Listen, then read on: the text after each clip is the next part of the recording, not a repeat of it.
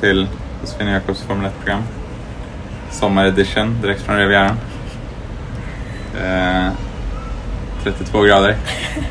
Det är lyxbåtar i, i eh, Juan Lespins hamn som vi ser här från balkongen. Mm. Kanske är det någon Ocon eller någon på Ja. vi har försökt googla på Ja. vem som äger de här lyxjakterna. Men det var inte någon vi kände till, det var någon annan. Jag tror de är för små. Ja, Alltså även fast det är bland de större båtar man har sett. Så, alltså Formel 1-förare är inte stenrika i och för sig så de skulle absolut kunna vara på en sån. mm. Men jag tänker det är ju inte de här riktiga.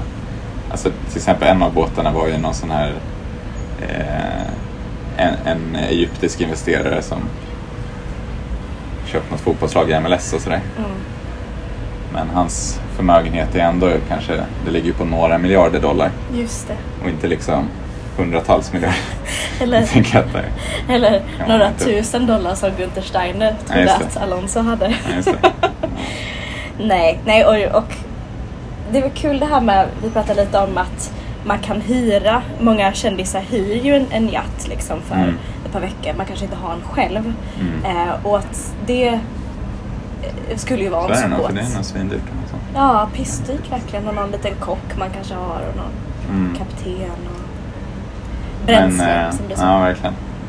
Men på Günther Steiner så har ju du klagat över en podd som du brukar lyssna på. Ja, ja, det finns en podcast som görs av två amerikanska tjejer. Eh, som kör väldigt mycket på det här Valley Girl-pratet. så. Mm. Eh, men de hade Günther Steiner som gäst i sin podcast nu si- sistone för de har äntligen läst hans bok. Mm. Eh, och de älskar ju den. De tycker att det är den bästa boken de någonsin har skrivit. Och det säger ju mer om amerikaner då. Nu generaliserar jag. Men det verkar ju verkligen gå hem i, Ja. i den amerikanska liksom, kulturpraktiken så. Ja. Eh, men de tyckte den var jätterolig. Eh, de eh, tyckte om dagboksformen. De tyckte att det var kul att höra hans små berättelser om den gamla goda tiden. Ehm, och ehm, Gunther sa också då rakt ut att han har inte tänkt att den här boken ska vara till bara för F1-fans. Den ska vara till för alla. Alla, skulle, alla ska kunna läsa boken. Eh, vilket bara är helt, helt Det är ofattbart. befängt. Ja, det är det. För att om man också eftersom att typ all, alltså halva boken var ju bara så här. Ja, idag så gick det skit för våra förare. Mm. Det var typ ett bra kval och så var det ett värdelöst race som vanligt. Ja. Hej då. Ja. verkligen. Varför skulle man bry sig om det om man inte var Formel 1-fan? Mm. Alltså man bryr sig inte ens om man är Formel 1-fan. Nej.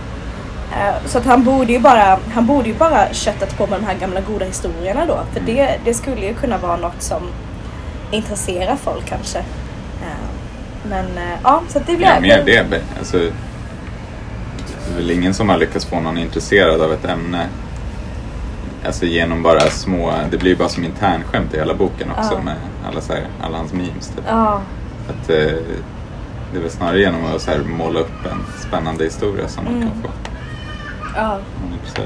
Nej, det är fel tänk, kortslutning. ja, det är det. Och också att han inte ville göra den till en eh, biografi. Han sa, just det, Mm. det här sa han också, att han tyckte att alla hade redan gjort en eh, biografi om sig själva. Så han ville komma på någonting lite mer unikt. Mm. Um, Men, men jag tänker att folk gör biografier för att de kan liksom lyfta fram relevanta delar av sin historia som folk är nyfikna på. Alltså, jag tror inte det är Günther Steiner som kommer forma om biografigenren. liksom, nej, jag tror inte heller det. Men eh, så att det blev, Man behöver inte krångla till det liksom. nej man behöver inte det. Nej.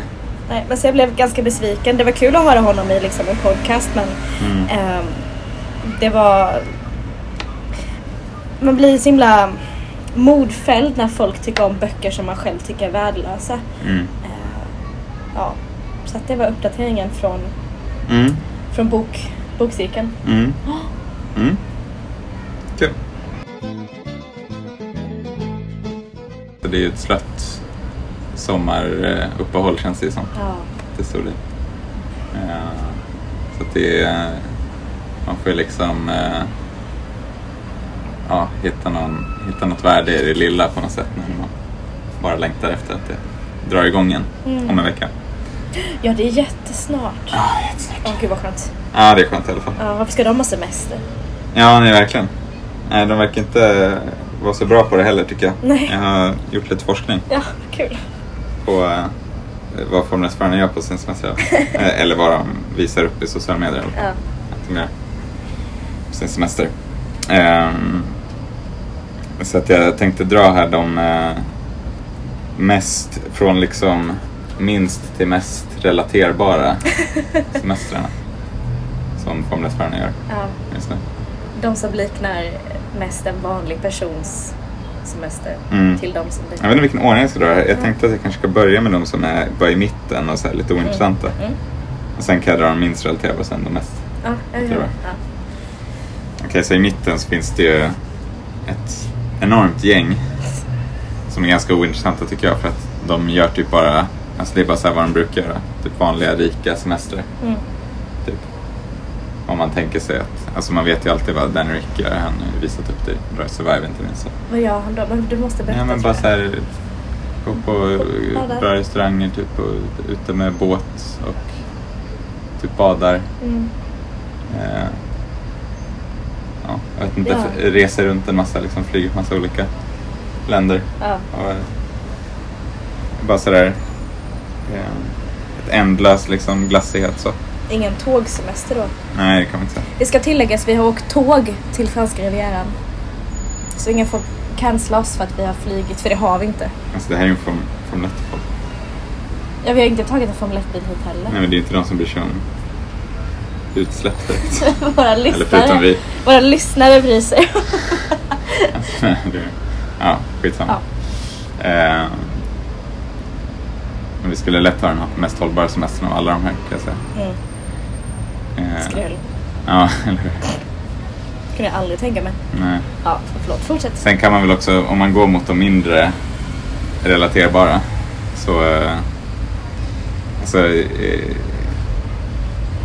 Science till exempel då. Mm. Han, eh, det är också ett, ytterligare ett sånt exempel på... Alltså de flesta som är i den här mitten fåren, de är också inte relaterbara tänker jag. Från att det är, Mm. Alltså som Science är på en väldigt fin båt, kanske en jakt. Mm, som man har hyrt. Eh, ja, och bara glider runt. Eh, Leclerc kitesurfer. Vet, vem fan kitesurfer tänker jag. Kanske folk gör. Men Jag har aldrig haft något drag till det. Nej, det låter inte så kul. typ. Kites. Fan. Nej. Eh, och sen skulle jag kanske säga den minst relaterbara semestern. Det är Ocon Ja. som eh, visar upp att han är på en jakt. Mhm. Eventuellt som han har hyrt då, pratat om tidigare. Eh, han kör jetski liksom från den här jakten. De har en jetski på jakten så Är, kör är jetski det där man är, när det är två strålar under fötterna och sen så är man uppe i luften? Vet inte vad en jetski är? Nej. Det Eller är det en sån eh, över vågorna liksom? Ja. Jag har en sån liten tjock. som en liten motorcykel. Ja, just det. Vad är det där med, Ja. Med strålar under Ja, men det var det någon som gjorde också. Jag kommer inte ihåg Jag vem inte. Det var någon som testade på. Vet du vad, jag tror att det var, var det inte George Russell? Jo, det var kanske George Och Russell. hans faktiskt. flickvän Jo, Karma. det var det nog. Exakt, just det. Eh, Jag har också haft koll. Ja, precis. Ja, så han är där, glider runt och eh, åker runt med en massa fina orter och så Mm. kör han runt på jetski på dagarna. Eh, sen är han också på den här jakten så i badrummet där så har de en spegel man kan öppna från liksom grannrummets badrum. Oj. Så då öppnar han den och så borstar han tänderna på, på grannen. Han lagt upp en video på sociala medier. Men vill han visa då med Det det, att han har någon, att, att de som jobbar på båten kan göra det för honom? Är det det han vill visa med det? Det är ju han som borstar tänderna. Ja men... Men det är ju, jag tänker oavsett så är det inte så relaterbart på något nej. sätt. Nej det är det absolut inte. Att vara på en jakt och borsta någon annans tänder. Det är liksom, ja, Nej, nej jag skulle, du skulle aldrig borsta mina tänder. nej. det händer inte. Eh, sen har jag en... Eh, sen kan vi arbeta oss uppåt då till mest relaterbara. Ja. Från hela vägen ner från en tionde plats. Oj oj oj! Med eh, Sonoda som eh, har eh, lanserat en ny klädkollektion. Alltså det, det, Var den snygg? det är liksom vad han har visat upp. Ja, helt okej. Var det en sommarkollektion? Jag minns faktiskt inte. Men Men, eh, vänta, var, det, var det Yukis egna eller var det Alpha Tauri? jag tror hans egen. Oh! Mr Entrepreneur. Eh, eller liksom för något annat märke kanske som han endorsar, jag vet inte. Ja, just det. Typ såhär. Men han har i alla fall lanserat den och så eh, har han inte visat upp jättemycket annat från sin semester. Mm. Så jag tänker att den är ju den är inte relaterbar direkt men det är kul med kläder liksom. Ja. Eh, och sen kan man gå upp då. Eh, nionde plats, Hylkenberg. Mm. Han eh, kör karting på sin semester. Men han har ju familj, vad gör de? Nej, men han kör karting. På åttonde plats, Fernando Alonso. Ja, han... Han kör också karting, men, men han såg ut att vara roligare. Så jag tycker han är Fernando. Det är mer relaterbart att ha roligt. Men, Men får jag, får jag invända med en grej? Är inte Ja. Fernando Alonso också på en bana som är döpt efter honom själv? Jag tror att Hylkenberg också hade något att göra med att det var typ hans gamla gäng eller någonting. Ja. Alltså, så att det båda har ju någon koppling till liksom, vad de har gjort. Men, Men jag, jag, jag såg den här bilden från Fernando Alonso och då var det verkligen såhär Circuit de mm, ja men Fernando, säkert. Typ. Mm. Och då känns ju det jätte... Jättelångt ifrån. Ja, ja, vi, Nej. verkligen. Eh, var kul att de båda karta. Gamla gubbarna. Ja, verkligen. Ja. helt tokiga i racing. De använder sitt så här dra åt helvete kapital man får när man är 50 fast de inte är 50. Mm. Så de gör exakt vad de vill på semestern. De behöver inte göra sånt som de tänker att de borde göra. Och det, alla de här gör vad de vill på semestern. Det är ju det som är poängen här, att de är så rika. Ja men de tänker inte... vad Jag tänker alltså de här ungtupparna. Mm. De... Jag tror nog att de vill bada och glida runt på en jakt faktiskt. Det tror jag nog. Jag tror inte de känner jag vill åka och, och liksom köra karting. Jag tror att de skulle kunna vilja det. Men de vet också att eh, bilderna på Instagram, de som ger mest likes liksom. Att, att, att det är snyggare att visa en glassig Riviera-livsstil än att visa upp när man kartar på land. För då kommer alla vara såhär, ja det gör du ju varje vecka liksom. Nej, jag håller Jo. inte alls med. Jag håller med mig. Det är ju, det är ju, det är ju mer sympatiskt med karting-grejen. Mm. Är det. ju. Ja, kanske snyggare med jakten, men, eh, Mm. men det, jag, jag tror självklart är det så att de vill vara på den jakten och glida runt. Men jag tror också, jag tror också att det är lättare att bygga, om man ska fortsätta bygga sitt influencer-namn. Då måste man visa en mer, eh, en mer mångsidig bild av sig själv. Fan, jag, alltså jag tror faktiskt att det kan mer vara att eh, de äldre i så fall koll, eh, liksom blickar framåt efter karriären. Vad de ska göra. Ska de karta efter? Nej men mer alltså, så här att de är involverade i, att de verkligen brinner för racing så att de, är så här, de kan vara involverade i något liksom, team på någon coaching-sida eller Mm. annat sätt. Jag tror det kan vara mer en sån grej. Sen på sjunde plats så har vi Hamilton som badar. Ganska relaterbart. Ja, Ja, Man ser inte var, om det är från någon fin båt eller från en vanlig strand. Han badar bara. det kan vara någon strand i södra England. Kan det vara? Förmodligen inte, för jag såg också bilden. Badar. Ja. Eh, på sjätte plats, Joe, som är hemma i Kina. Ganska relaterbart att åka hem. Eh, det är inte så relaterbart att han har tusen pers efter sig som filmar honom var han än går. Det visar han också upp. Ja, Ja, han visade det på sin Instagram. hur då? Det var någon annan som filmade liksom honom från tredje persons. Och så var det jättemånga som följde efter. Eh, femte plats har vi Bottas. Han är alltid ganska relaterbar tycker jag. Mm. Eh, han har en bombränna. Relaterbart. Mm. Men eh, han cyklar också en massa lopp även nu. Det är inte så relaterbart. Nej. Eh, Han är väl i eh, Nordamerika någonstans? han är överallt. Han åker runt. Jag har inte sett var han är. Jag så. Eh, på fjärde plats, Verstappen. Han eh, har långa chinos och en skjorta på sig och går ut och äter. Samtidigt som Kelly har en mycket finare klänning och som är mer anpassad för värmen, situationen. Ganska relaterbart. Så är var och varannan, var och varannat par man ser här i till exempel. Mm. Eh, han ligger också på någon sån här eh, flotte, upp, uppblåsbar flotte ute på vattnet. Ute på vattnet. Också ganska relaterbart, tycker jag. Det är gött. Eh, tredje plats har vi Piastri som är på något trevligt hotell i eh, Algarve, Portugal. Eh, han klär sig i chinoshorts. Han är med sin helt vanliga flickvän. Lily. där. Mm. Ja, ser väldigt normalt ut. På andra plats så har vi Magnusen. För det han har visat upp från sin semester är att han har spelat in en podd. Det är ganska relaterbart för oss. Det gör vi på vår semester. Va? Har han gjort det? Ja, en, eh, Med vem? det är ett danskt gäng. Så han har en podd som han... eh, Med? De har gjort tre avsnitt det här året. Åh, Intellis talar tech. okej. Eh, så snackar de, eh, det är så här, i beskrivningen stod det typ att de följer, några danskar som följer Magnusens karriär inifrån. Typ. Ja, Så han var med där, kul. spelade in en podd. Relaterbart att göra på semestern. Eh, men första plats, allra mest relaterbar, det är Alex Albon. Ja. Eh, han är på Mallorca, ganska svennigt. Ja. Eh, han går runt med en jävla massa tygpåsar ner till stranden. Konkade. Eh, han tar på sig en helt vanlig skjorta till eh, en trevlig restaurang på kvällen. Och han skriver som caption till det här inlägget med Gusta La Playa. ja. Alltså, otroligt Men, relaterbart. men Albon är en relaterbarhetsking. Ja, det är. Alltså om man kollar på hans Instagram Ja.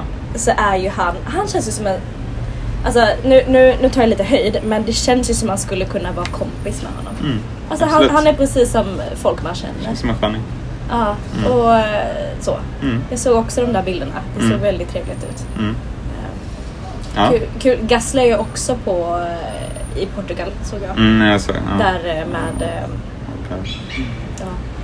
Ja, precis. Ja, men det var den Kul. eh, sommarlistan. Men vad tror du, om man ska koppla lite med ett Formel 1 då? Vilken, vilken eh, återhämtning tror du är bäst för andra halvan av säsongen? Vad tror du är den bästa semestern att göra för dem? Vem har gjort det bäst? Vem har gjort det bäst? Jag tänker, det- här är ju till exempel Alonso och Hulkenberg. Det är ju, alltså de måste ju chilla, Ja. tänker jag. De Ja. måste ju faktiskt koppla bort från det här med racing och så lite Ja, grann. De kommer ju bränna ut sig om de håller på så här. ja, det ligger nog någonting i det. Så att, eh, den tror jag inte är bäst.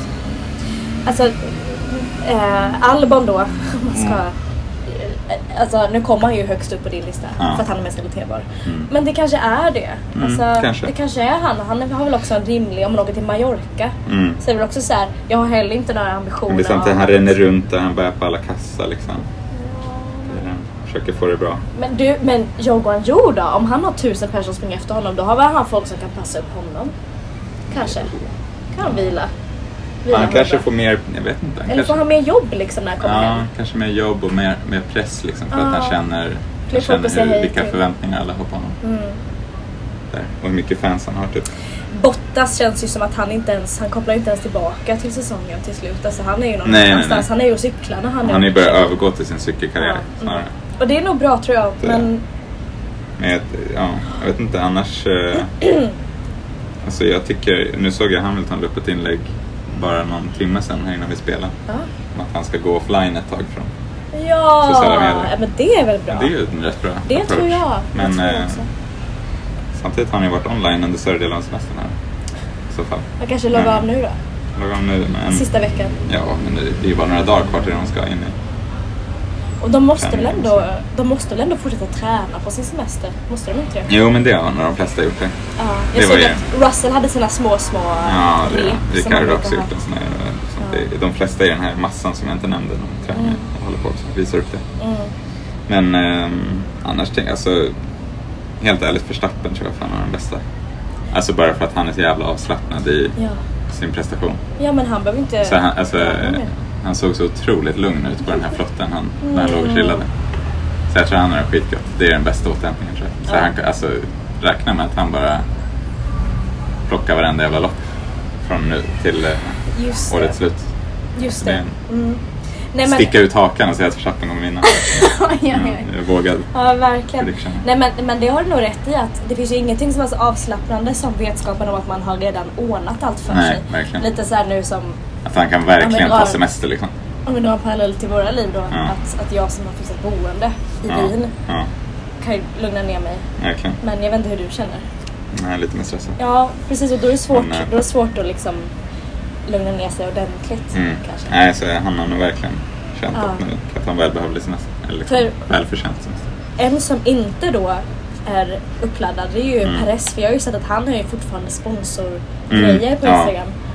Jag hoppas han Nej, har jag någon som gör eh, det åt honom. Men, ja, men det tror jag. ja men han ju fortfarande, har ju fortfarande bilderna med sig själv och de här som han har massa samarbeten med. Så Skulle att, tro att han har ordnat allt innan semestern. Så. Ja, man får väl hoppas det då. Jag hoppas det. Och, sen att, nej men, och en sak jag hoppas är, hoppas är väl att alla de här som har barn och Mm. familjer, att de lägger lite tid på dem i alla Mm. fall. Verkligen. Det kan man väl få hoppas. kan man hoppas. Så både Nico och Kevin och Mm. Jo, men det kan man hoppas. Perez, han har ju tre. Mm. Som sagt. Ja, nej, men det var Mm. semester-roundupen här.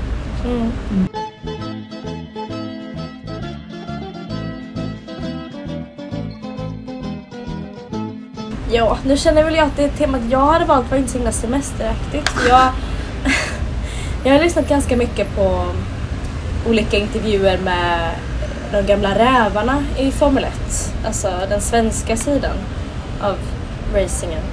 Eh, typ Stefan Lill-Löfvis Johansson och eh, Kenny Bräck, han är inte Formel 1 men. Och eh, någon, något eh, avsnitt där de pratar om Ronnie Pettersson. Och då funderar jag lite på det här eh, Formel 1 och liksom riskerna och döden och sånt. Jag vet inte om du är intresserad av att Mm. ha en diskussion om det. Eh,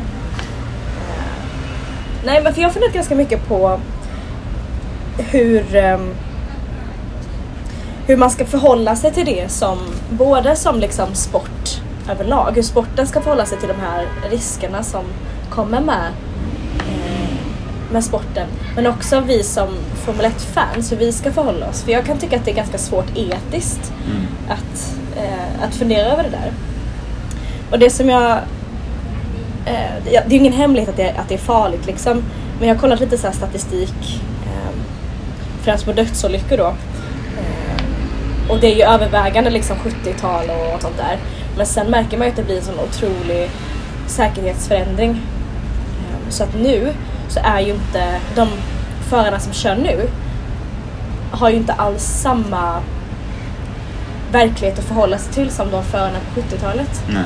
Och jag tänkte, jag har tänkt på att de här förarna nu i år, de borde ha, de borde få en eloge för hur cleant de kör. Mm. Det känns som att de, inte bara så här, det är säkrare bilar, men att de kör bättre. De kör liksom, de kör lugnare och mer sansat på något vis. Mm. Som gör att de inte liksom äventyrar varandras varandras race eller varandras hälsa framförallt då. Ehm, men i Reddit så läser man ju alltid att gud vad tråkigt alla tycker att det är. Att det är så himla tråkigt ett race när ingenting händer. Och då menar man ju då att det inte är någon, att det inte är någon krasch eller någonting sånt här. ehm, som ställer till det. Sen har det också kommit någon sån här också, ja, precis. Det behöver inte vara, kan ju vara liksom individuella misstag också. ja, Som inte be- behöver bli en krasch liksom. Men, Ja. det, men det fast det känns ju som att det är krascherna som är det som alla hoppas på något vis. ja, kanske. Ja. Ja, Eh, Ja, det är, jag tänker också att det är... Ibland är det också eh, inte bara krascher utan det kan också vara liksom... Alltså det har ju varit väldigt få mekaniska fel till exempel Just. bland toppteamen i alla fall ja. i år. Ja. Eh, och liksom den typen av oväntade. Ja. Alltså det har ju gått väldigt rent överlag för dem i, i fram. Så Ja. jag tänker att det, det har ju hänt väldigt mycket i de flesta lopp fast längre bak i fältet.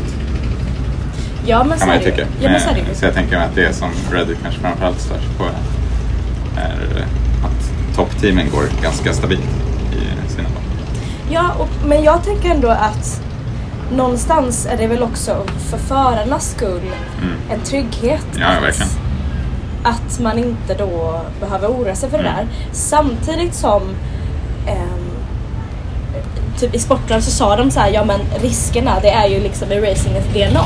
Ja. Och då har jag funderat på över hur för först har jag varit så här, men gud det ska ju inte behöva vara en sport där de som tävlar eh, spelar med sina liv ibland. Det kan ju inte vara att det, det är inte rimligt att det ska vara en del av allting. Mm. Men sen har jag också det här med att det är ju just liksom Formel 1 är ju racing är väl en sport ursprungligen då för idioter. Ja, alltså att är man har man behöver tillfredsställa den här kicken Mm, som man inte hittar någonstans.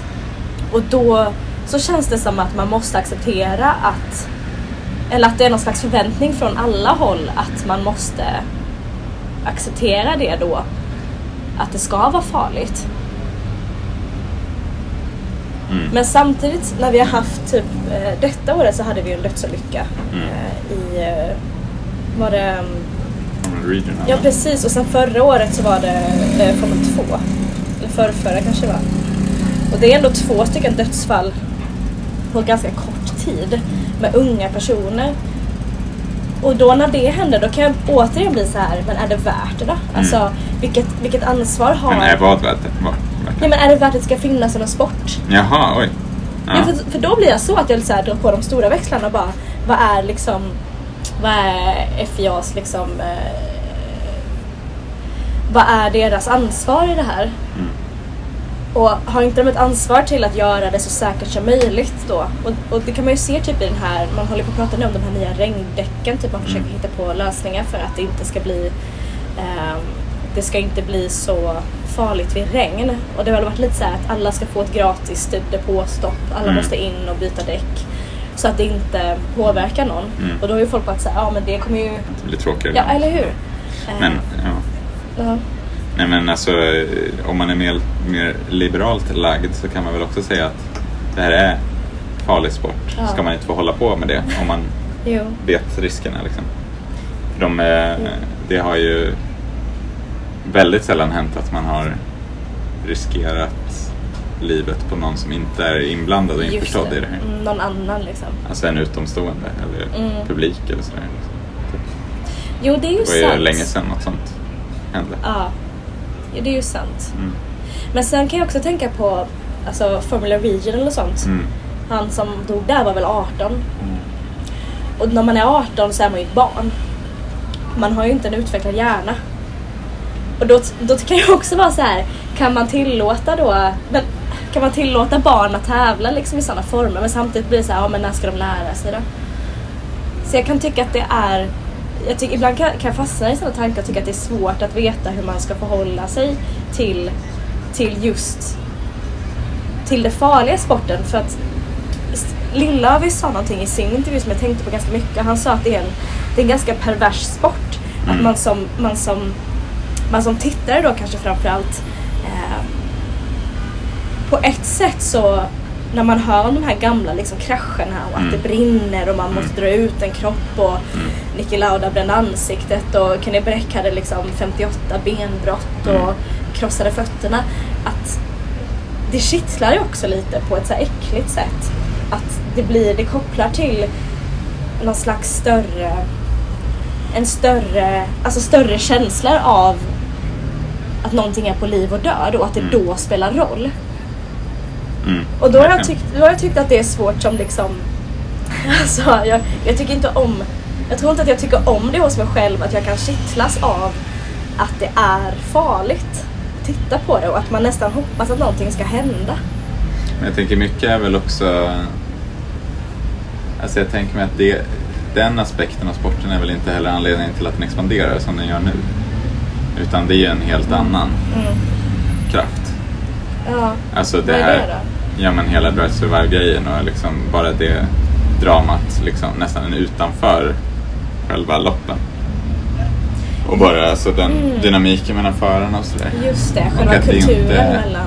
Ja, Racingkulturen. kulturen, liksom den cirkusen hur de Ja. reser runt och, så, och, gör, och visar upp de här bilarna. Och liksom. Just det. det, är att, eh, det väl mycket sånt som har fått sporten att växa så mycket så att det är heller inte... Jag tycker inte riktigt man kan säga att liksom, expansionen uppmanar till... Alltså det är väl klart, ja... eh, Kanske blir fler liksom, racingintresserade i en ung ålder nu Mm. som en följd av det, absolut. Men eh, jag tänker mig att vi, eh, det är väl inte liksom den eh, liksom, den dragelsen till dragningen till, till våld, liksom, eller våld är det inte, men liksom Nej till... men till, till det ärorika liksom eh, döden i en Ja, exakt. elitsport. Det är inte det heller som har Nej. gjort att den växer nu, Nej, jag. Nej. För men den blir ju säkrare och säkrare också. Ja, och då att, måste man eh, hitta andra saker som... Nej men det är rätt i att det, inte, att det inte liksom, eftersom att det är så många folk nu som blir intresserade av sporten när det inte är alltså jämförelsevis lika farligt som förut. Mm. Att det pekar på då att det finns mycket mer andra saker som drar än, än liksom en äcklig spänning av, Mm, av att, att förare riskerar livet. exakt. Och, och på 70-talet och 80-talet då när det verkligen var eh, att det var vanligare då att, Mm. att risken var riskerna och liksom eh, ett race på liv och död var mycket mer påtagligt och för vissa kanske något som lockade. Då var sporten ändå exklusiv och liten. Ja, det var den verkligen. Verkligen. Ja. Jag tror att jag började tänka på det här efter vi såg Rush och Ja. de är duktiga där på att måla upp de två sidorna som kan finnas, liksom diskurserna i, i Formel 1. Att, eh, dels då James Hunt får symbolisera liksom en, en dekadent, eh, kanske inte en dekadent men alltså en, en, eh, en adrenalinkicksökande eh, lever på extrempunkterna eh, vill att kasta sitt liv för att bli bäst. Å ena sidan och å andra sidan Niki Lauda då som eh, får vara någon slags att, att racingen är en liksom en, en, eh, eh, en, en, en vad säger man? Alltså det här med att han tänker mycket, han tänker lång, långa, liksom, långa löpet. Att man, man racear inte bara för idag utan för liksom nästa år och att förfina allting hela tiden. Mm. Och att om det är mer risk än, än nödvändigt så är det inte värt det. Mm.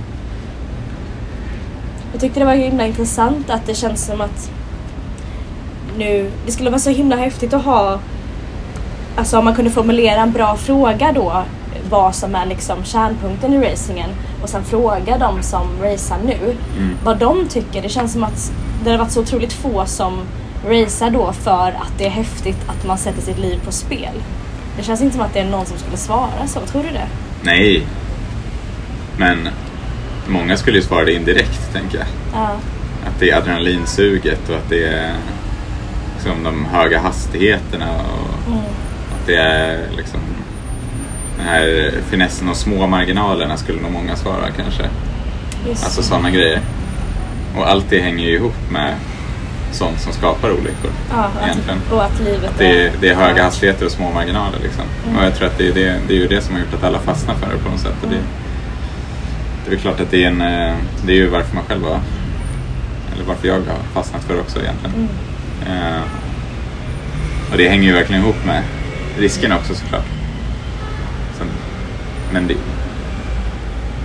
sen tycker jag att man kan, alltså man kan tycka det men också vara glad över de liksom, säkerhetsförbättringar som har gjorts. Ja. Och, sådär. Ja. och att Formel 1 är eh, liksom, så enormt mycket säkrare nu än vad det var. Ja, och att man ska fortsätta sträva till att det ska vara säkert. Ja, exakt. Och att man pratar mycket om det. Ja. Så det är ju bra, tänker jag. Men eh, Tror du att man någon Jag tror- gång kommer alltså- stanna och bara nu är det säkert nog. Nu eh, kan vi inte kompromissa mer med, med racingen. nej, alltså, jag- ja, men jag tänker det händer ju hela tiden. Jag tänker om man bara hade velat göra den till en säker klass så hade ju bilarna sett helt annorlunda ut. Alltså, Ja. Man hade kört runt med liksom stötdämpare och liksom kofångare och eller jag vet inte. Men liksom att det hade ju varit... eh, Airbags och... Hade alla kört runt i liksom en, en Prius för att ta en gammal Ja. referens. Ja. Eller gammal. Men... Eh, eh, det, så det är klart att sånt gör man ju hela tiden, liksom den avvägningen. Men eh, det är också liksom mycket innovation som gör att sporten blir säker. Liksom en ny typ av barriärer, de här nya tech-pro-barriärerna som Mm. har börjat placeras ut mer och mer. Och, eh, ja, men som Halon har ju gjort enormt mycket. Det. Eh, Och Det, det är ju man liksom också- innovation, det är ju inte sånt som man har. Det är ju liksom teknisk innovation. Det, det är ju sånt som man, det var inte ett alternativ liksom, när Lauda körde. Eller, alltså, Men det är också det här med att jag hörde nu att man har eh, man har ehm, små liksom som små minisjukhus på varje bana Mm. och sen har man en lyftklar helikopter Mm. och om det är för dimmigt eh, för att helikoptern ska kunna lyfta så får man inte racea. och det är väl, eh, precis. Jag Och att det är tänker, resurser som läggs till. Ja, precis. Och det är ju tack vare sportens expansion. Ja, att man Ja. har de ekonomiska Just krafterna nu. Så man kan göra det.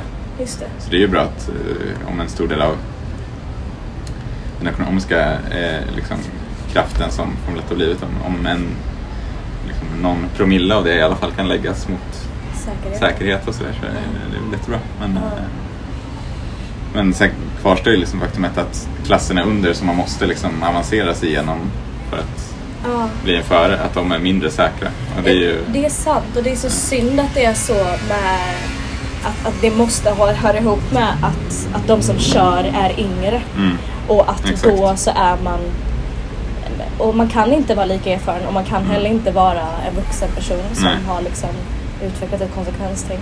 nej precis. Så det är väl... Nej, det är klurigt. Ja. Vad är din slutsats? Ska det förbjudas? Nej, nej jag tror att nu, alltså så här, att nu när jag liksom kommit in på den här sidan och Mm. också fa- fastnat i det. Just det här med, jag tror inte riktigt jag har fattat innan jag kollar på Formel 1 hur ehm, att det finns ett värde någonstans eh, och en, en, en, ett driv i att vara världsbäst, att vara Mm. bäst i världen någonting. Jag har inte fattat det förut tror jag, eller tyckt att det var viktigt för Mm. mig. Men nu så känns det som att, att jag har fått upp ögonen för att meningsfullheten hos Ja. i, i människan liksom över att känna att man är bäst i världen på någonting och att det otroliga arbetet som man lägger ner att det, är, att det kan skapa en otrolig känsla av meningsfullhet. Mm. Eh, och då när jag upptäcker det, eh, tusen år efter alla andra upptäckt det, Mm. så känns det som att det, det, går inte, att- det går inte att applicera mina gamla regler för vad som ska vara okej och inte okej Mm. Nu i den här nya världen. Liksom. Och samtidigt är Formel 1 en sport som kanske firar de mindre bitarna som inte gör en till världsmästare mycket mer än vad andra sporter gör kan man ju på ett sätt säga. Alltså att de, eh, för den absoluta majoriteten av förare så är de ju aldrig nära att Nej. kunna bli världsmästare. Och det är väl det och som då gör...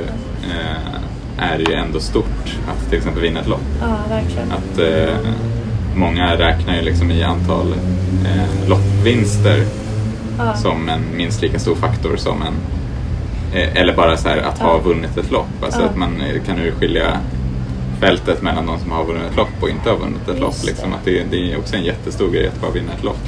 För att det är så otroligt svårt. Att det är Ja, det är väldigt svårt. Ja. Eh, Men om man firar ju det på ett mycket större sätt också tycker jag, med liksom podiumceremonin och sådär. Men Ja. alltså, nu blir det uttjatat när det bara är liksom Chappen på Ja. toppen varje gång. Men, men just att egentligen så är det ju verkligen att Jag menar var sporten kommer ifrån också det här att man gör den över hela, att man gör någon slags världsturné liksom. Och, eh, att ha som en stor tävling liksom, eller som en uppvisning också, att det är en, en Grand Prix-helg liksom. Ja. En stor, det, är en, det är en stor eh, show liksom. Att, Just det. eh, Och att det är eh, mycket också den att historiskt sett så har det varit mycket så att de destinationerna också har spelat väldigt stor roll och liksom att det, det kan vara väldigt ärofyllt liksom att vinna Monaco, Monaco. eh, Monaco till exempel var, är ju det klassiska exemplet. Liksom, Ja. att, eh, att eh, för vissa, eller för längre sen så kanske det var lika stort att vinna Monacos GP som det kunde vara att vinna en världsmästartitel. Ja, liksom, lite visst. överdrivet men att det, Nej, men det är inte jämförbart med andra sporter på det sättet tycker jag. Och det är det som jag tycker också är så himla kul om man tänker på till exempel Indycar, ett jättebra Mm. exempel med Indy 500.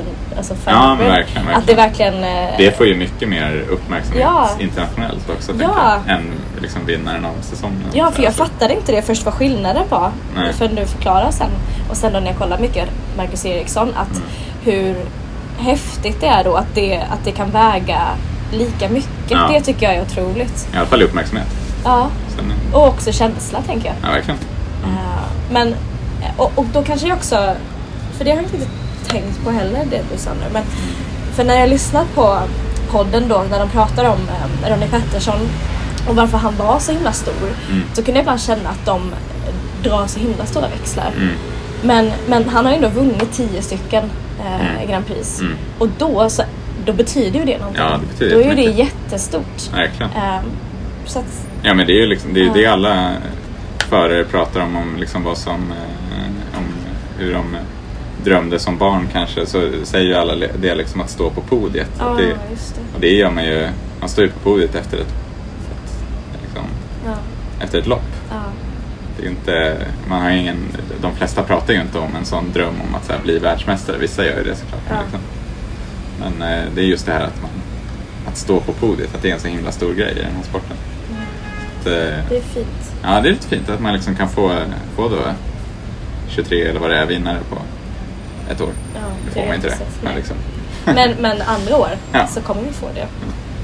Men då tänker jag så här att man nu att man riktar en, en tanke till eller jag riktar en tanke till alla förare nu att så här, var försiktiga pojkar. Mm. Fortsätt köra så bra som ni har gjort. Och kanske också en tanke på alla de som alla som har dött. Det, det, det känns ju inte som att det glöms bort i sporten heller. Nej. Att det liksom mörkas eller så. Eh, och i- för vissa blir det väl också en drivkraft att fortsätta. Kolla bara Mm. på Leclerc liksom. Verkligen. Eh, ja. Mm. Ja, eh, vi nåddes ju idag av, eh, bara här för precis när vi spelade in, av Ja. eh, nyheten att eh, det har skett en dödsolycka på, under rally-SM eh, idag helt enkelt, på Mm. inspelningsdagen. ja. Eh, det är väldigt tragiskt. Vi vet inte mycket om vad som har hänt ännu.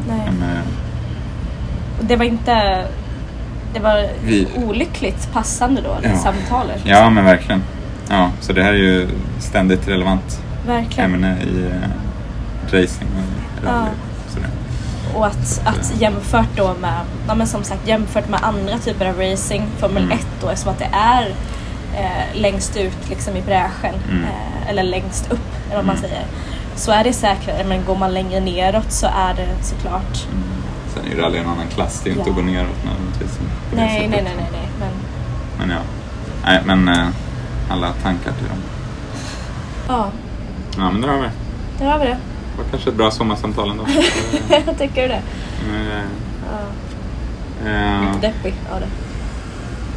Lite Ja deppig. men lite tänkvärt. Men jag tycker att det Och sen, känns eh, kul att tänka stort. Tänker stort. Filosoferar om sporten. Ja. Och så kör vi en sista omladdning och sen eh, drar vi igång Ja. om en vecka igen. ja. Ja, härligt. ja. Tack. Bra. Tack så mycket för det här avsnittet. Tack. Hoppas ni har hört någonting och att det inte har varit för mycket bilar. Exakt, men det tillför lite ambiance. Så är det. Tack för oss. Hej hej.